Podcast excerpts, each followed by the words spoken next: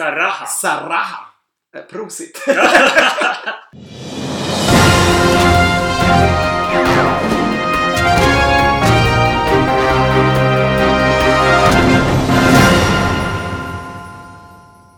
Tja! Och välkommen till det här avsnittet eh, av Schlagerprofilernas podcast som dessutom är en schlagerstudio och dessutom sänds live om tekniken fungerar på Facebook. Och har vi otur så funkar inget och har vi tur så är vi på tre olika ställen just nu. Det hoppas vi. Grodperspektiv gör mig inte bra känner jag. Så jag kommer sitta så här. Titta ner. Det är inte världens mest perfekta ljus på den här bildsändningen men eh, ja, whatever. Vi, eh, vi sänder live från mitt vardagsrum eh, på nyårsafton. Live från Göteborg. Exakt. Vi är nyår, nyår, ni som bara lyssnar på podcasten ser inte hur nyårsfiffade vi är. Eh, Nej, precis. Skulle- Jag sitter här med, med kavaj och utan byxor. Så reser jag mig upp. I, om Ken börjar prata om Ukraina så blir det väldigt kul i sändningen. För då reser jag mig upp och visar hela, hela, hela elefanten. hela The Elephants visas. Ehm, kul! Vi tänkte sammanfatta lite året i Eurovision Melodifestivalen genom att använda en... Eller skål förresten! Ja, skål. Skål och välkomna till Skål. vår första... Tack för att jag fick komma. Ja, varsågod. Ken har försökt, redan försökt trötta ut mig med Eurovision och Melodifestival hela morgonen. Mm. Genom att veva gamla Japp. klipp. Så nu kan jag varenda litet hörn av När Ronny vaknade måste jag stå bredvid hans säng och du har växt ut ett träd ur mig. Och jag skrek i förskräckelse och bara blev påmind om det här hemska som hände i maj när Ukraina vann alltihopa. Ja, nej men vi tänkte försöka sammanfatta åren genom att använda en liten magisk burk. Som jag har använt på nyårsaftonar, nyårsaftnar, eh, sen typ 2000. Mm. Eh, vi kommer dra en lapp. Vi kommer dra upp alla de här lapparna. Och eh, så kom, vi kan visa hur det går till. Dra en lapp. Och Yes. visa hur det går till. Jag kör. Och det här är ju väldigt eh, podcastmässigt så vi kommer läsa upp också. Då fick jag alltså årets landsplåga. Mm. Och då får du välja någonting. Får jag välja vilken som är årets landsplåga? Du Då? får- Och då är det med Mello och Eurovision-anknytning. Exakt. Ja, men jag kan väl inte göra så mycket annat än att säga att eh, If I Were Sorry med Frans är väl årets landsplåga. Det är väl den största hitten från Eurovision det här året och den största Eurovision-hitten sen Euphoria. Ja, i Europa. I Europa. Vilket Vilket var är jättekul. Och det var ju en brottarhit i Sverige dessutom. Ja, absolut. En av de största Melodifestival-vinnarhitsen här, tror Ja. jag. Och då har vi ändå haft en del sådana. Mm. Alltså Måns var ju stor och eh, så. Men eh, också, som du sa, i, i Europa, vilket var ganska kul. För att jag tror väl att han var etta så här i Polen i oktober eller något. Att låten känns som den hade långt liv utanför Eurovision Mm. också. Kul! Kul Så jag, kommer den här leken gå till, kan jag säga. Där kan du kassera kul om dina... jag bara... Och mitt bidrag till det här är kom ut som en stjärna för att... Då tar jag en. Årets nykomling får jag här då. Står det på min lapp. Eh, jaha, men då, alltså, då tänkte man ju genast på Frans igen. Det var ju... Ja, men det kan man ju göra. det. Men och, Frans men jag skulle säga att Årets nykomling är eh, ett helt sjok med folk. För det var ju verkligen ett melodifestival där nykomlingarna slog igenom. Det Mm. var Victoria, det var Frans, det var Robin Bengtsson, det var eh, Kizungu Zungu. Jag kommer fan ihåg vad hon heter.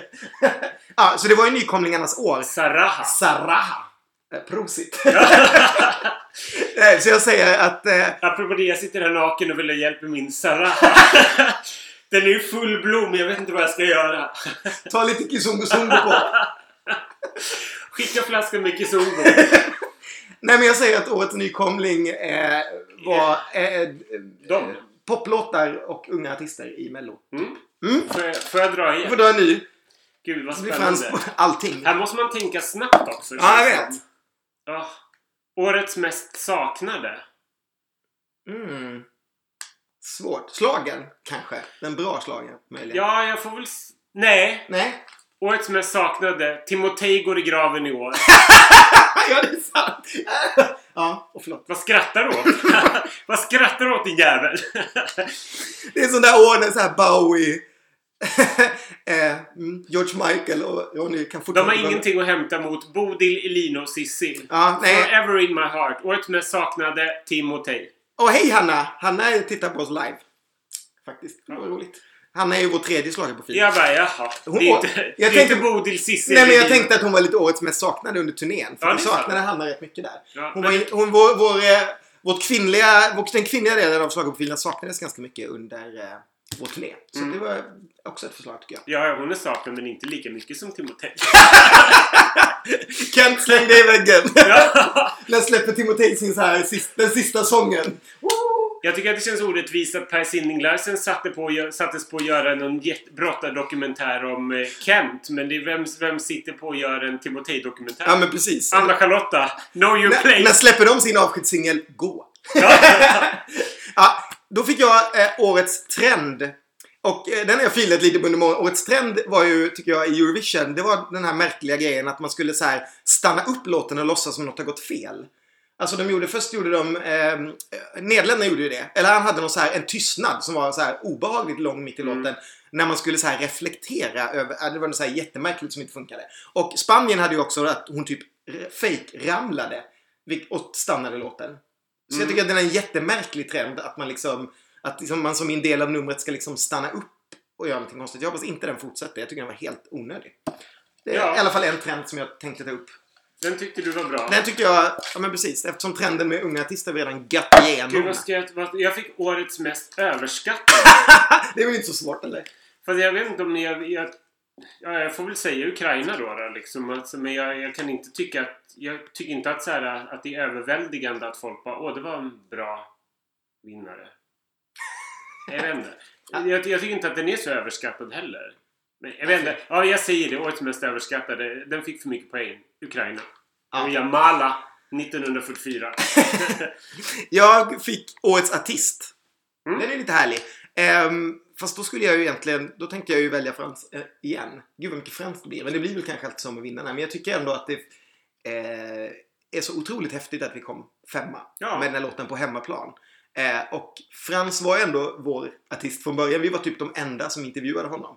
Innan Ja, första, första, innan första eh, publikrepet så var det ingen som brydde sig om Frans. Han var med på QX-omslaget. Och vi åkte bil med honom som enda eh, journalist och vi träffade honom i Stockholm innan eh, finalen. Mm. Så åkte vi bil med honom vilket jag tyckte var. Exklusivt schlagerprofilerna åker bil med Exakt! Frans. Sånt får ni bara hos oss kan man säga. Så jag väljer Frans Fast sen som blev vi utkastade lika snabbt för att Ken körde ner handen i skrevet på en 17-årig gosse. Nej, usch. Så, fy. Årets man. Ja. Frans. Nej. Årets, årets man säger jag är... ehm, nu freestylar jag lite för jag kom bara på det första som jag eh, kommer att tänka på. Då, Mm. då säger jag Sergej Lazarev som var lite grann överallt. Han var ju min favorit. Just det. till eh, under, under Eurovision. Och jag gjorde ett x antal intervjuer med honom där jag ville bränna honom på bål med homofrågor. Men han svarade bra. Eh, och jag tycker han förtjänade en tredje plats i Eurovision. Och jag tycker han är rätt snygg. Och han, han kom ut som pappa i år. Vilket är jättekonstigt. Ja. Det är som han hade hållit på i flera år och så kom han ut som pappa. Det är så här, någon sorts ny. Komma ut. Ja, det var mycket märkligt. Ja, men bra. bra. Jag fick årets par. Så ser den ut. Eh, och då väljer jag eh, Petra och Måns som par som ledde Eurovision. För jag tycker att det var helt fab. Jag tycker att vi är typ bäst i världen på Eurovision och eh, Petra är bäst i världen på att leda det. Men jag älskade att det funkade så bra med Måns också. Mm. Och jag skulle bli oerhört arg om vi vinner det här om två, tre år och Petra inte får göra det igen bara för att folk tycker att det är gjort. För att jag tycker att har man någon som är så bra så ska man alltid använda henne. Bra val, men jag hade valt William och Nora. Jag tar gärna. Norge vinner. Gud, Jag kom väljer inte ur det där skamgreppet.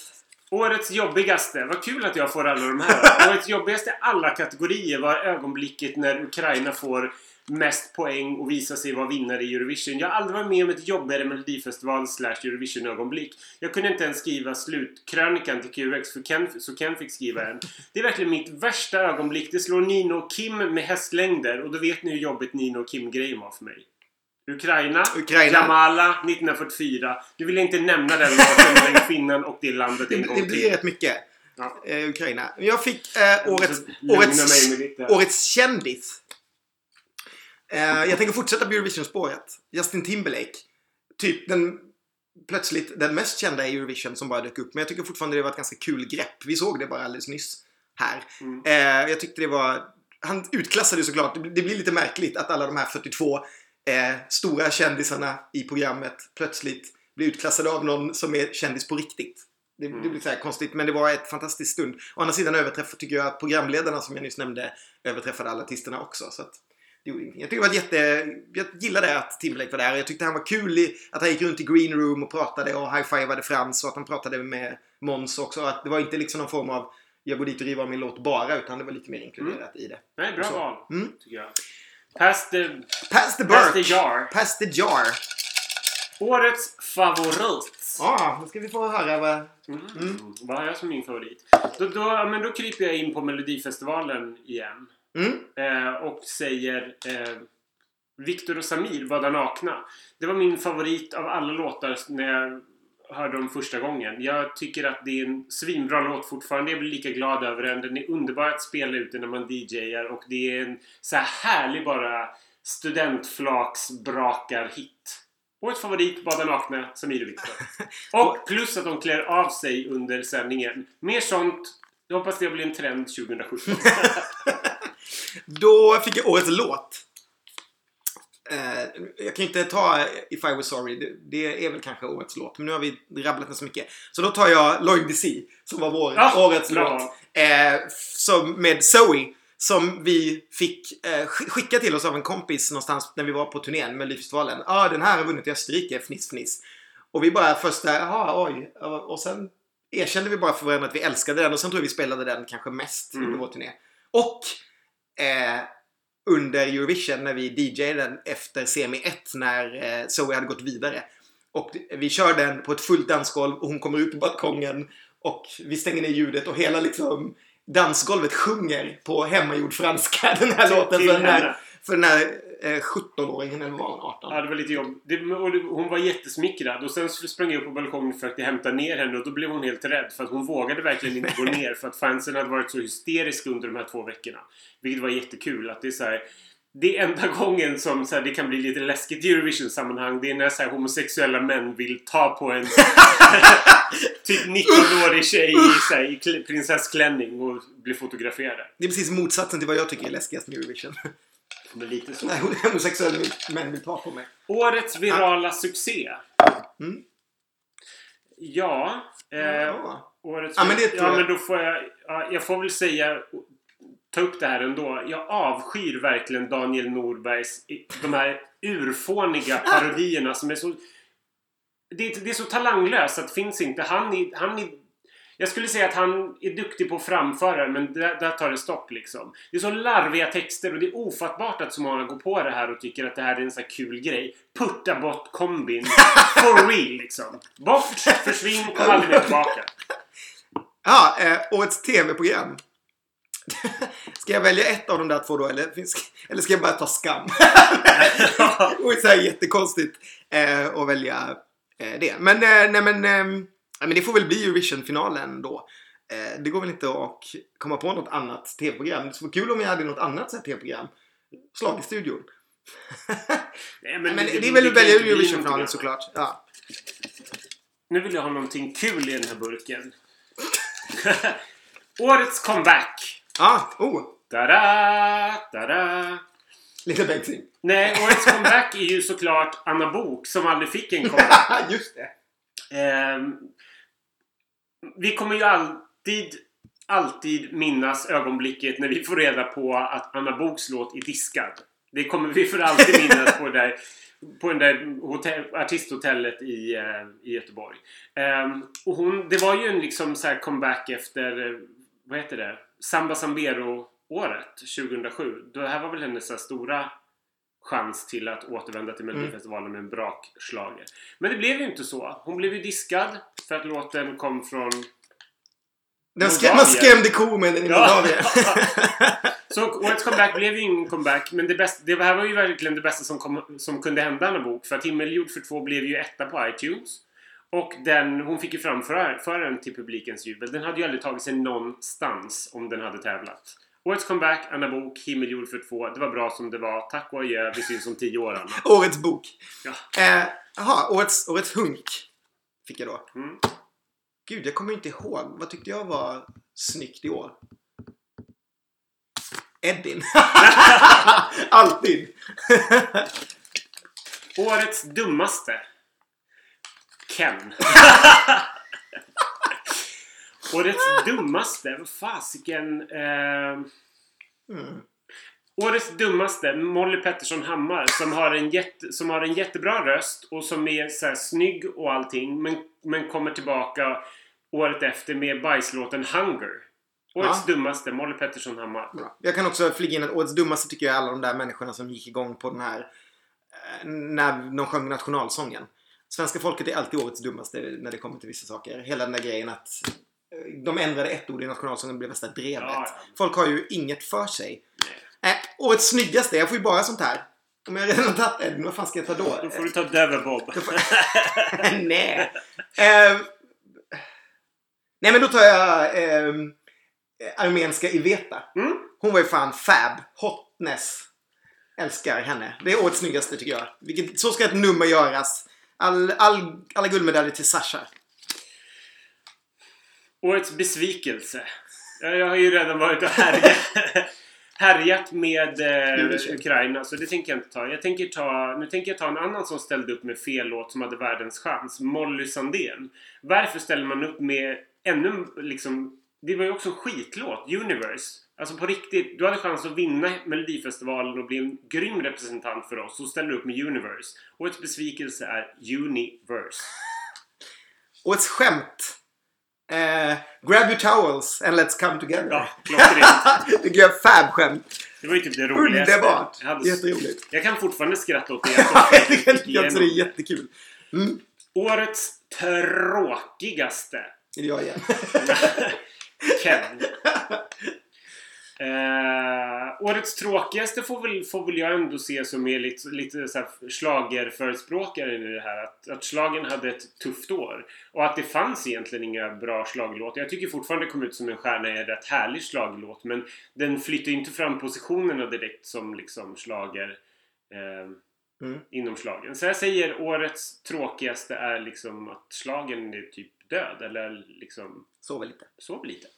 Törn- Törnrosas efter hundra år. Årets överraskning, tycker jag. Eh, det finns ju en del. Det skulle man säkert kunna tagit massa i, i Mello att det var så mycket nya artister. Men det har vi redan dravlat. Jag tänker ta eh, Polen i, Mm. i Eurovision-finalen som fick tredje mest poäng av folket. Eh, för övrigt en så här fab ändring hur de gjorde med poängsystemet. Det blev otroligt spännande. Men jag tror ingen hade trott att Polen skulle få så fruktansvärt mycket poäng. Och det hade ju, hela den grejen hade ju försvunnit om de hade bakat ihop det som de gjorde förr. Då hade de hamnat, de hade hamnat högt men man hade aldrig fått liksom den där utan den har man fått läsa efteråt på Wikipedia. Men nu blev det jättetydligt liksom att det där var Europas tredje favorit. Jag kan fortfarande, jag, jag såg aldrig den komma. Jag tycker låten är okej men otroligt medioker. Alltså som ballad. Mm. Eh, men eh, ja, årets överraskning för mig. Polen. Jag får, årets mest underskattade får jag, fick jag då. Och då får jag väl säga, även om den inte är jätteunderskattad, så tar jag Isas I will wait som var min, eh, en, en av mina stora favoriter i år. Eh, jag tycker att den, det är en sån ballad och ett sånt framträdande som ska vara i final. Eh, nu, nu räckte det bara till Andra chansen, men det blev den jämnaste Andra chansen-duellen i år mellan Kizungo och eh. Isa. Just det. Och eh, Kizungo gick rättvist ändå får man säga i och med att det var en hit. Mm. Vinnande ur den duellen. Men jag tycker att Isa skulle varit här. Så Isas I will wait är årets mest underskattade.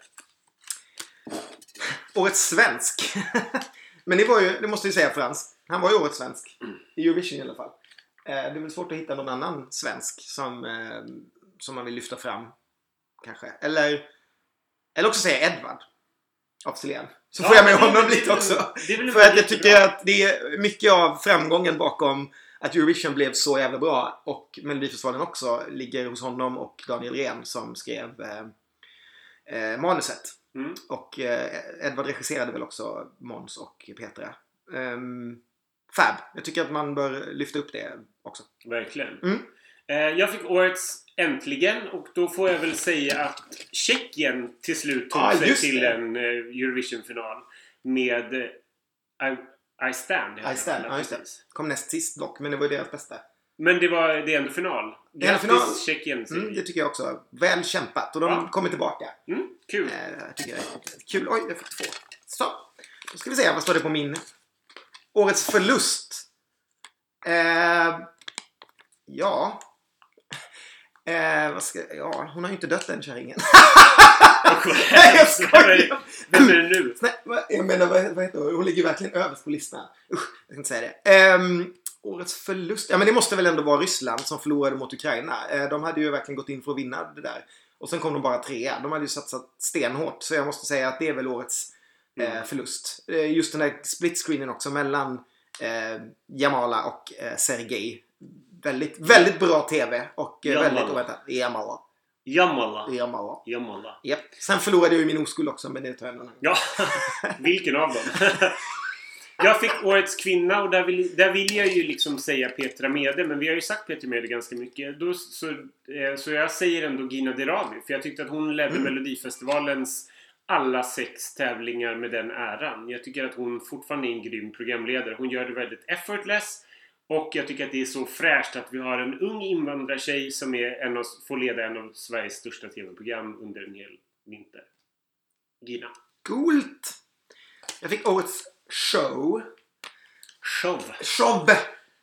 Eh, och ja, det finns ju alltså, det finns ju programmen i stort. Jag tycker att Melodifestivalen Eurovision är överlägset eh, fantastiska underhållningsprogram just att det är sådana påkostade nummer eh, och sådär. Så man kan ju plocka hur många olika nummer som helst och man kan ju plocka Ryssland till exempel. Som ju ser lite un- underwhelming. Men jag vill ta eh, Love Love Peace Peace. Ja, som jag tyckte var kanske det bästa vi har sett i Mellan ever. nu har ju du Okej. fel för det var ju kom ut som en stjärn. Precis. Plymer. Alltid plymer. Plymer var årets trend. Årets fest fick jag. Oh. Eh, och där har väl vi haft rätt många festögonblick i år. Skål för det! Skål för den. Väldigt kul. Mm. Och vi hoppas att det blir minst lika många under kommande turné. Men jag får väl ändå säga att det var alla gångerna som vi spelade på Euroclub i år på, nedanför slottet på Skeppsbron. Ja. Det var ju fantastiskt kul. Vi har, vi, jag tror vi alla haft roliga DJ-ögonblick. Någonsin. inte De, de, två, typ tre första, de tre spelningarna var helt grymma och när vi liksom tömde det coola dansgolvet. För Men den, den betalda riktiga DJn. Precis, som säkert fick mycket mer pengar än vad vi fick. Eh, och lockade över alla och bara frälste hela golvet i x antal timmar med liksom allt ifrån Melodifestival-hits som Melinda Bengtzing till liksom årets Eurovision-låtar. Det finns en sån fantastisk liten film som jag gjorde att eh, det var ju otroligt stor säkerhet. Det är det alltid på Eurovision och det är klart att det var det här också. Men det finns en sån rolig grej när vakterna typ dag fem in i eh, Eurovision-veckan insåg att det finns absolut ingenting att göra här. Det enda liksom vakterna har att göra är om någon blir lite, lite för full. Eh, så kanske de måste visa dem till toaletten eller möjligtvis ut. Men det är ju aldrig någon som bråkar där. Det var ingenting. Så att jag har ett underbart klipp där det står två stycken heterovakter och dansar loss till jag ljuger så bra. Ja. Det är så ett underbart klipp. De bara dansade liksom hela kvällarna. De, de bara festade. Eh, eller festade nyktert såklart. Men alltså de bara hade kul. Det fanns liksom, det fanns ingenting. Det var otroligt skön stämning och folk var så här positiva. Jag bara älskar det där. Ja, Eh, årets färg. Det var ju en märklig eh, lapp. Årets färg. Vad fan ska man ta på den då? Men, finns det någon färg? du var inne på rosa. Just det! det var, just det, vi pratade om den innan. Jag är, vad heter den? En Daily rosa, va? Det, det är en Daily Rosa. Alltså den där låten som det jag pratade om nyss om att eh, de ändrade en text, eller nej, de sjöng den på hebreiska va? Mm. Var det hebreiska? Ja, De sjöng, som. Digina sjöng på. Och det blev så här ramaskri för att nationalsången skulle sjungas på ett annat språk. Vilket var bara så här bajs. För dels, vad fan liksom. Man får sjunga nationalsången på vilka språk som helst om man vill. Och nummer två, hallå, det var inte ens nationalsången. Det var en folkvisa. Så människor behöver bara snyta sig och eh, ja, skärpa sig. Men jag säger väl det som årets färg då. What, vad är det han polacken säger? What color is your love? Tell me! Pink. Pink. Eh, årets Babe fick jag och Mm, då... Den modiga lilla grisen. Den... och Ken är ju alltid min modiga lilla gris. Nej men jag, då, Ah, då tänkte jag säga Helena Gutarra. Eh, som Ah, ja. var med eh, Swingfly i en av det här årets mest spelade låtar för mig, You Carved My Name. Jag tycker att den är svinbra. Och vi träffade ju henne och satt vid samma bord som henne på en Kolmården-fest.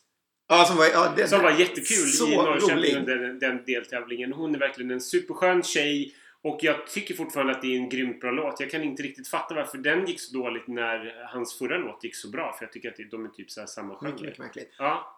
Men eh, Helena Guitarra, otroligt skön tjej som jag hoppas vi får se i Melodifestivalen Oj, ja. framöver. Jag har glömt bort hela den där delfinhistorien. Om att det var så här massa... De, hennes dansare vägrade ju gå in på den här festen just för att delfinerna var där. Och, liksom, och, och Det var därför det var helt tomt vid hennes bord så vi fick plats där. Så det var, det var ju tur att de var emot delfiner. Så har jag massa så här kul bilder på mig och eh, Helena när vi, stå, äh, men, när vi står så här med en delfin i bakgrunden som inte fattar. Man kunde ju gå ner under vattnet. Ja. Så kom delfinerna fram och bara vad håller ni på med? Och vi bara tog massa Men var, var det då du slog den ena delfinen på nosen? Det var då jag eh, högg fenorna. Det var då jag hoppade upp och red på delfinen. Nej, det var Oscar Sia som red på delfinen va? Ja, det var inte det enda han red på den helgen. på den här turnén. Nej, men, eh, min sista lapp står Årets händelse. Oj, vad svårt. Det hade jag ju egentligen tänkt den här Zoe-grejen. Den, den är så tydlig i mitt minne liksom att, att vi gjorde den. Eh, årets händelse annars. Ehm, nej men jag... ehm, nu vet inte jag vad det står på din lapp. så jag inte tar någonting som du tänker säga. Men jag tror inte det. Nej, det tror jag Eh, inte. nej, det tror jag inte heller. Då säger jag att årets händelse för mig var att du har varit med i Melodifestivaljuryn. Ja! För att jag, det är ju något som jag har längtat efter att du ska få vara jättelänge och så blev det sant. Och det har jag längtat efter också. Och det var precis så, så kul som jag hade hoppats att det skulle vara verkligen. Mm. Det var jätteroligt. Jag, har varit, jag har varit så avundsjuk på dig under alla år som du har gjort det. Men jag har också varit så, här, så lugn också för att jag vet att du vill mitt bästa.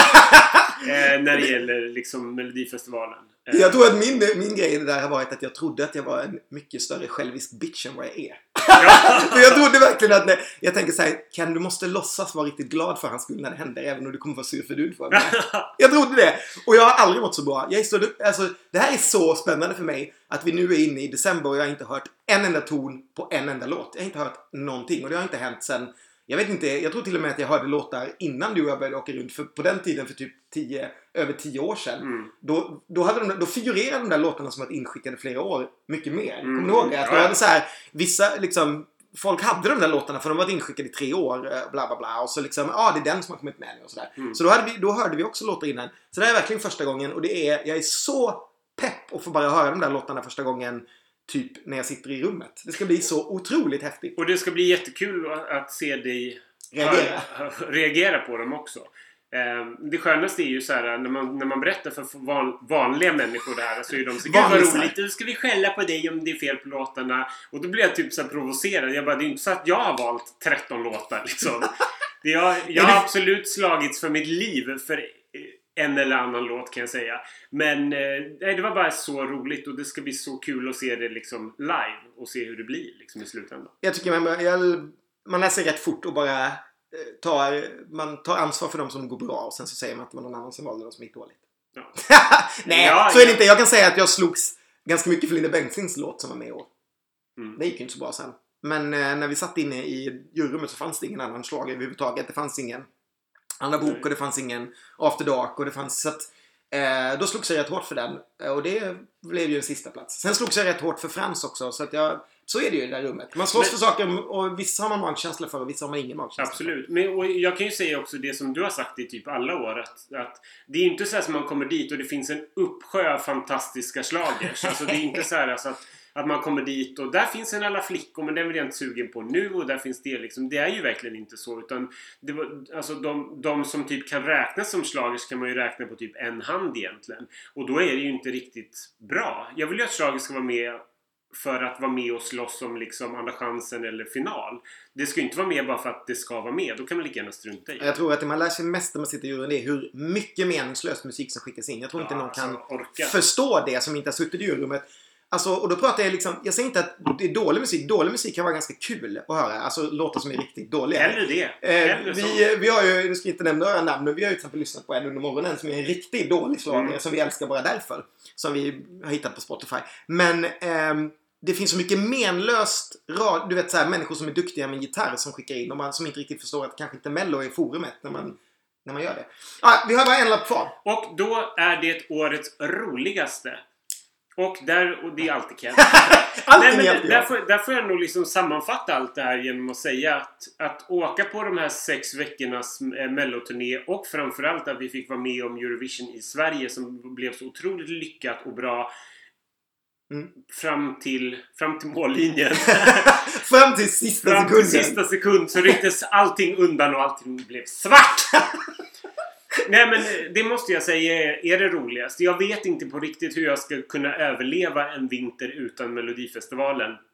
Och jag, på, på, för mig, jag kan säga när folk bara Ska den där skiten börja igen och måste det vara sex veckor och sånt Då vill jag ta fram en k-pist och skjuta den. för det Fel år Nej, k-pist har man inte använt. Men vad jag skulle säga var att jag, jag blir så provocerad av det. Att så här, ge oss de här sex veckorna av gala, glitter, glamour och fantastiska låtar. Jag vet. Men det är ju så här, det sätter ju så här guldkant på allting. Jag vet inte hur jag skulle kunna klara liksom februari Nej, jag, hela mitt vuxna liv har jag liksom alltid tillbringat vintrarna med dig på turné dragandes en väska lite bakis i någon småstad. Ja men det är ju så liksom och när man ska så här, när man ska hålla på och harva, harva fram och tillbaka till arenor och liksom eh, fester och dricka ljummet bubbel på hotellrummet. det är liksom typ, det, det är det roligaste man kan göra. Och framförallt så är det ju ännu roligare när man gör det tillsammans med någon som man är jättekul med och när man gör det eh, för människor som så, brinner lika exakt. mycket för det som, som vi två gör. Jag tror att ni som, som tittar på det här och lyssnar på det här känner att vi älskar det här så mycket och tar det här på jättestort allvar. Men inte på sjukt stort allvar utan kan ändå fatta liksom att vi är ändå distans till det känns det som, tycker jag. Jag tror att, alltså det är klart att vi tar det på allvar. Det är det som är vår grej, tror jag. Att det, men, är, att det är lite liv och död. Men det är inte så att du inte har överlevt att Ukraina vann. Men just där och då var ju typ det värsta som hade hänt i, i då. Ja. Men det är klart att du liksom... Nu, det är klart att det är så här bla bla bla. Men det är ju inte så att, herregud, det är klart att vi har distans till hur viktigt det är i livet. Och framförallt att vi lyssnar på annan musik och man är utanför den här tävlingen och lever inte bara i den. Men det är väldigt skönt att gå in i den här bubblan och ha den där gemenskapen med de där eh, gänget av människor som är, som är likadana som en själva. Det, mm. det är helt fab. Och eh, vi spelar ju igen på Bibal om cirka en och en halv må en månad mm. ungefär. Eh, första veckan, första semin på fredag. Ja. Jag kan inte datumet nu. Det är jättetidigt. Typ. Det, och, eh, fast en tråkig med det insåg jag ju att vi kan ju inte spela någon låt från i år. I år då. Nej, men det kunde vi inte förra året heller. Nej, det kunde vi inte. Bara Anna. För den är diskat dagen innan. Ja, det är så det är, därför, det är därför som eh, En himmelord för två eh, faktiskt är en av mina mest spelade låtar i år. vi spelade den otroligt mycket där. Det var jättekonstigt. Eh, men... Eh, Nej men det kan vi inte. Nej. Men vi kan ju spela låtarna från i fjol. Ja. Eller från i år. Men, men, men, jag vill också så tillägga på det jag var inne på tidigare. Att jag, jag, jag, kan liksom inte, jag kommer för mitt liv aldrig förstå varför man är liksom emot eh, Melodifestivalens sex veckor. Jag bara förstår inte det. Det är liksom är inte heller. Man behöver inte det, titta på man det. Man behöver inte titta. Det är ju som På spåret. Det på, pågår ju också i liksom en timme och det är liksom 13 program. Eller liksom ja. Let's Dance eller what the fuck. Men varför stör man sig så mycket på Melodifestivalen? Och det är inte så att det tar upp all tid heller. Liksom. Det, tidningarna skriver om mycket annat också. Det var bara stackars Lasse Kronér då som inte fick göra en uppsittarkväll för att det hade varit Eurovision. på säger jag bara. Det hänger, det hänger nog inte på det kan Det, det hängde nog inte alls på att de hellre gjorde två timmar På spåret istället mm. för Lasse Kronér. Jag vet inte. Mm. Ja, Nej men ska vi eh, runda upp? Jag behöver lite påfyllning om vi ska skåla ut det här året. Du. Ja. Du bubbla till det här? Så vill vi väl... Får jag, får jag bara dela ut några... Ett, får jag bara tillägga några små saker ja, men, som, inte, som inte har kommit ja, ut? Ja. Mm. Eh, för, för det första så skulle jag vilja eh, tilldela Krista Sigfrids årets Hanna och Lina-pris. Jaha. det, och, det, och, det, och det priset får en, en artist som ställer upp med en låt som inte matchar den artistens talang eller vad jag vill att den ska göra. Han och Lina är det så ultimata med Big Time Party. Vilken jävla rövlåt alltså. Men de var ju så här, de var ju smashing och framträdandet var jättesnyggt och allting. Men det var så här, nej det höll inte. Och jag tycker att Krista får det priset i år för jag tycker att jag vill att hon typ ska vinna Melodifestivalen men hon kommer inte göra det med en låt som faller tycker jag. Även om jag tycker att det var en okej låt men det är fel låt för henne. Jag vill dela ut ett årets hejdå. Det var trevligt så länge det var det. Och det är till Most Fuckable. Ja. Som vi ju bestämde oss för att lägga ner. Och jag, det är många som är så här, men ni har väl inte lagt ner det? Bara, jo, det är, vi säger som Timotej, det är över. Både med Most Fuckable och Timotej och Kent. Eh, så har vi lagt ner det. Det kommer komma någonting annat. Vi ska bestämma någonting annat. Men vi, vi tycker inte det var kul längre. Faktiskt. Jag tyckte bara såhär, det blir, det vi måste komma med något nytt och det kommer vi göra. Nu har vi haft ja. det där i, i, x antal år. Så det kommer komma något nytt och det kommer delas ut nya priser på finaldagen hoppas jag. Schlagerprofilerna priser. Men jag hoppas att det blir roligare priser än bara att man är snygg. Sen kanske det kanske delas ut någon Most Fuckable också, det vet jag inte. Sen så skulle jag även vilja dra upp en annan sak och det är För mig har det varit lite grann en trend att jag har hittat låtar i pre-selection grejerna. Mm. Eh, för, för de olika länderna. Vi, har ju, vi spelade ju Laika till exempel med Hungry Hearts och Lisa Dillon hur mycket som helst. Mm. Det är ju en Ah, liksom, härligt. favoritlåt Mm. för slagprofilerna. Jag, jag hittade eh, den här låten Stay Tonight med, med Laura från Österrike som de här två eh, schlagertvillingarna Ja, hade skrivit i, i ehm, till, till den österrikiska uttagningen. Om ni tycker om slager så ska ni lyssna på den låten i år för det är så här tipptopp Linda Bengtzing-schlager. Stay Tonight med Laura Kamhyber. Och sen är jag en, min mest... Jag lyssnar inte på Spotify så mycket. Jag lyssnar ju mest på iTunes. Jag är ju liksom mormor i det här sammanhanget. Och min mest lyssnade låt på Spotify i år är den finska Eurovision-duetten Good Enough med Annika Milan och Kimmo Blom. Som också är så här slager realness. Det är liksom eh, In a moment like this-aktig liksom slager Eurovision-ballad. Mm. Ja, om ni Härligt. tycker om sånt så upptäck gärna den. Och sen måste vi ju tillägga att Cool Me Down Just som det. blev en jättehit i, i Sverige, eller en stor sommarhit. Den kom ju faktiskt från det nu Ja men precis. Ett tag, ett tag så låg ju Polen bäst till bland oddsen för att vinna hela Eurovision. Tills hon gjorde den live och inte vann. Sen gick det ju rätt bra för Polen ändå. Men eh, det där hade ju varit en megahit om hon hade kunnat framföra den kan man ju säga. Mm. Ehm, ja, sen, oh, sen kan vi, kan vi passa på när vi ändå sammanfattar allting och nämna Sara Alto som lyckades komma både tvåa i finska uttagningen och tvåa i X-Factor. Det är Mm. ganska bra. Ja, verkligen. Eh, visst kom hon typ tvåa i någon annan tävling också tidigare? Typ Let's Dance eller Idol eller någonting Ja, kan vi gjort. Hon är en... hon har ju varit tvåa i Melodifestivalen, deras uttagning två gånger. Ja, Så okej, hon så är lite grann. Lena Philipsson. Hon kanske kommer, så att då kommer hon ju tillbaka och vinner om några år. Det tror jag säkert. När det, det kanske inte händer jättemycket i Storbritannien, möjligen. Men eh, Finland har en bra kandidat att skicka till Eurovision där, skulle jag säga. Det är jättekul. Har vi några förhoppningar på vad som... Nej, det kan vi inte veta. Man vet ju ingenting vad som kommer 2017. Det är, det är sånt vi ska podda om om två veckor när vi drar igång, eller tre veckor när vi drar igång podden igen. Jag tycker att det ska bli, jag tycker att det ska bli jättekul att följa allting eh, och ha lite Du ska åka till Finland? inför. Jag ska åka till Finland Mm. eh, och se den finska uttagningen för första gången någonsin. Det är jag och några kompisar som ska, som ska åka över och nörda oss. Så det ska bli, Hänga med Krista som leder den. det ska bli jättekul. Mm. Då ska jag prata allvar med Krista. Det var passande att vår champagnekork så står det CB på. Ja, honom har vi inte nämnt någonting Nej. den här gången. Vi kan väl avsluta och göra en kollektiv Hej, hej, hej för Christer! Vi kan skåla för Christer. Ja. För än, ännu ett år. Eh, Ja, det, well done. och det får man väl säga än en gång att vilken, vilken otrolig insats av en av bara, egentligen bara en person från början som år efter år lyckas göra det här till Sveriges största TV-program och att, att få så många människor att bibehålla intresset för det genom att så här, tweaka konceptet och ändra lite grann men ändå liksom behålla själva grundgrejen i det. Och det är ju att folk samlas framför ett TV-program i en tid där alla egentligen bara streamar och kollar efteråt och man så här, äh, sånt. Och då ska jag säga mina förhoppningar eh, inför 2017 är att dels att de styr om appen. Eh, den funkade jättebra men i finalen tyckte jag det blev kaos när man det blev så miljarder röster på alla. Det blev alldeles för lite skillnad. Ja. Att man kan eh, antingen både i semis och i final bara rösta på eh, ett visst antal. Att man har fem röster som man får lägga på något sånt. Eh, och att de tar bort det där hjärtanet. För det diskuterar vi också. Att man, inte ser hur bra det går eller inte. Att man inte vet om. Det blir, ju lite, det Så- blir lite ospännande just med, med hjärtat. Att vi, att vi sitter ju och tittar på hjärtat hela tiden och sen har vi så här, men de här fem går vidare. Mm. Man, är, det- man har ju nästan aldrig fel i det. Appen är fab, gratisröstandet är fab. Det måste vara kvar för man vill, Mm. vi måste engagera folk. Jag tycker, för att återigen använda X-Factor, ge folk fem röster och sen får man ringa resten. Mm. Eh, och de fem rösterna får man använda hur man vill och man, man gör dem efter alla låtarna har spelats. Eller under om man nu är dum nog och, och slänger iväg alla fem på första låten. Då får man skylla sig själv. Mm. Ehm, det tycker jag. Och sen hoppas jag, min andra förhoppning inför 2017 är att vi fortsätter den här fantastiska streaken som Sverige är inne i. Man vet ju hur det är. Folk har liksom skov av bra år. Mm. Och Sverige är ju inne i typ det bästa någonsin för något land, skulle jag vilja säga nästan. Eh, våra placeringar i Eurovision är ju bara unheard of de senaste åren. Jag hoppas verkligen och jag tror att vi fortfarande ligger där. Någon gång kommer det svänga, men jag tror och hoppas att vi fortfarande kommer att vara topp 5 nästa år också. Ja, men det, ja, men det känner jag också. Men, men det, det matchar ju också så Sveriges extrema framgångar utomlands med, med olika artister och kompositörer. Att, att vi liksom fortsätter med den, med den trenden. Så jag, hoppas, jag, jag tror att det håller i sig. Vi är ju bäst på musik i Europa. Sverige, absolut. Punkt liksom. En fråga som någon har skickat live här är om vi spelar något i Stockholm. Du spelar ju i Stockholm ganska ofta. På schlagergolv på lite bra Ja. Det gör jag. Eh, jag spel, nästa gång så spelar jag den f- 21 eh, på, på King Kong.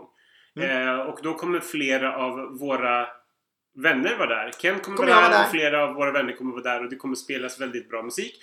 Eh, lite grann så här inför Melodifestivalen och Eurovision. Det vår och lilla kick-off. vill jag tillägga att jag spelar helgen efter finalen och helgen efter det på King Kong i Stockholm. Så, och då kommer jag ju garanterat spela allting som var bra från året. Just det. Och det ska bli däremot kul. Då kanske en och annan så favorit från pre-selection-grejerna som har satt igång. Då. Däremot spelar vi inte så mycket under turnén mer än just Göteborg som är liksom starten. Nej. Och det är mycket för att man hinner faktiskt. Man, är, man blir ganska sliten eh, ju längre det går. Det är något märkligt med den där turnén. Alltså man är otroligt pepp, det är lika roligt hela tiden. Men det är alltid när man kommer i vecka 4, 5 finalen så skulle man vilja pausa, ha, vara hemma Dansa, i tre veckor pausa. och sen så köra på det igen. Man är rätt sliten där. Så då har man liksom inte riktigt orken att stå upp en hel natt och spela också. För att det händer rätt mycket. Liksom. Nej men så är det ju. Plus att vi, så här, vi, går, ju, vi går ju all in. Vi, vi kollar ju på det precis som ni gör när vi kollar på, kollar på det. Vi sitter ju inte i arenan eller pressrummet eller någonting. Utan vi sitter ju på ett hotellrum, dricker lite bubbel. Skål. Skål. Eh, och kollar på det precis på samma sätt som, som alla, alla gör. Mm. Eh, vilket gör också att så här, känslorna förhöjs ju lite grann när man har lite bubbel i kroppen. Man kan bli väldigt besviken och man kan bli väldigt euforisk. Och då vill man ju liksom inte så här kasta sig iväg till en, till en spelning och vara helt sur. Ukraina-sur som det heter efter det här året. Nej, utan det är, och det kommer ni ju få se i Slaget-studion genom... Jag längtar efter att få börja, Slaget-studia. Ja, det ska faktiskt bli kul. jättekul. Det ska bli kul att, att ta de här första snacken. Och sen så här, och lördagarna när du får vårda mig som ett litet paket när jag Och, är helt knäckt. och har ni några så tips eller frågor som vi ska ställa till artisterna och så här, så kom gärna med det där. Vi försöker hela tiden komma med nya idéer och göra nya saker. Vi har gjort det här några gånger nu och försöker utveckla det. Jag gillar den här emoji-grejen vi körde förra året. Så Ja. den tror jag vi ska köra igen. Eh, den var bra och den har vi vårt patent på. Så försök inte sno den, era Era, snosar. era luslingar. era luslingar. Eh, men eh, har ni andra idéer så fråga eller skicka gärna det och kommentera mycket. I både i bloggen eller det finns Facebook gärna. Eh, läser vi hela tiden. Instagram och så vidare. Mm.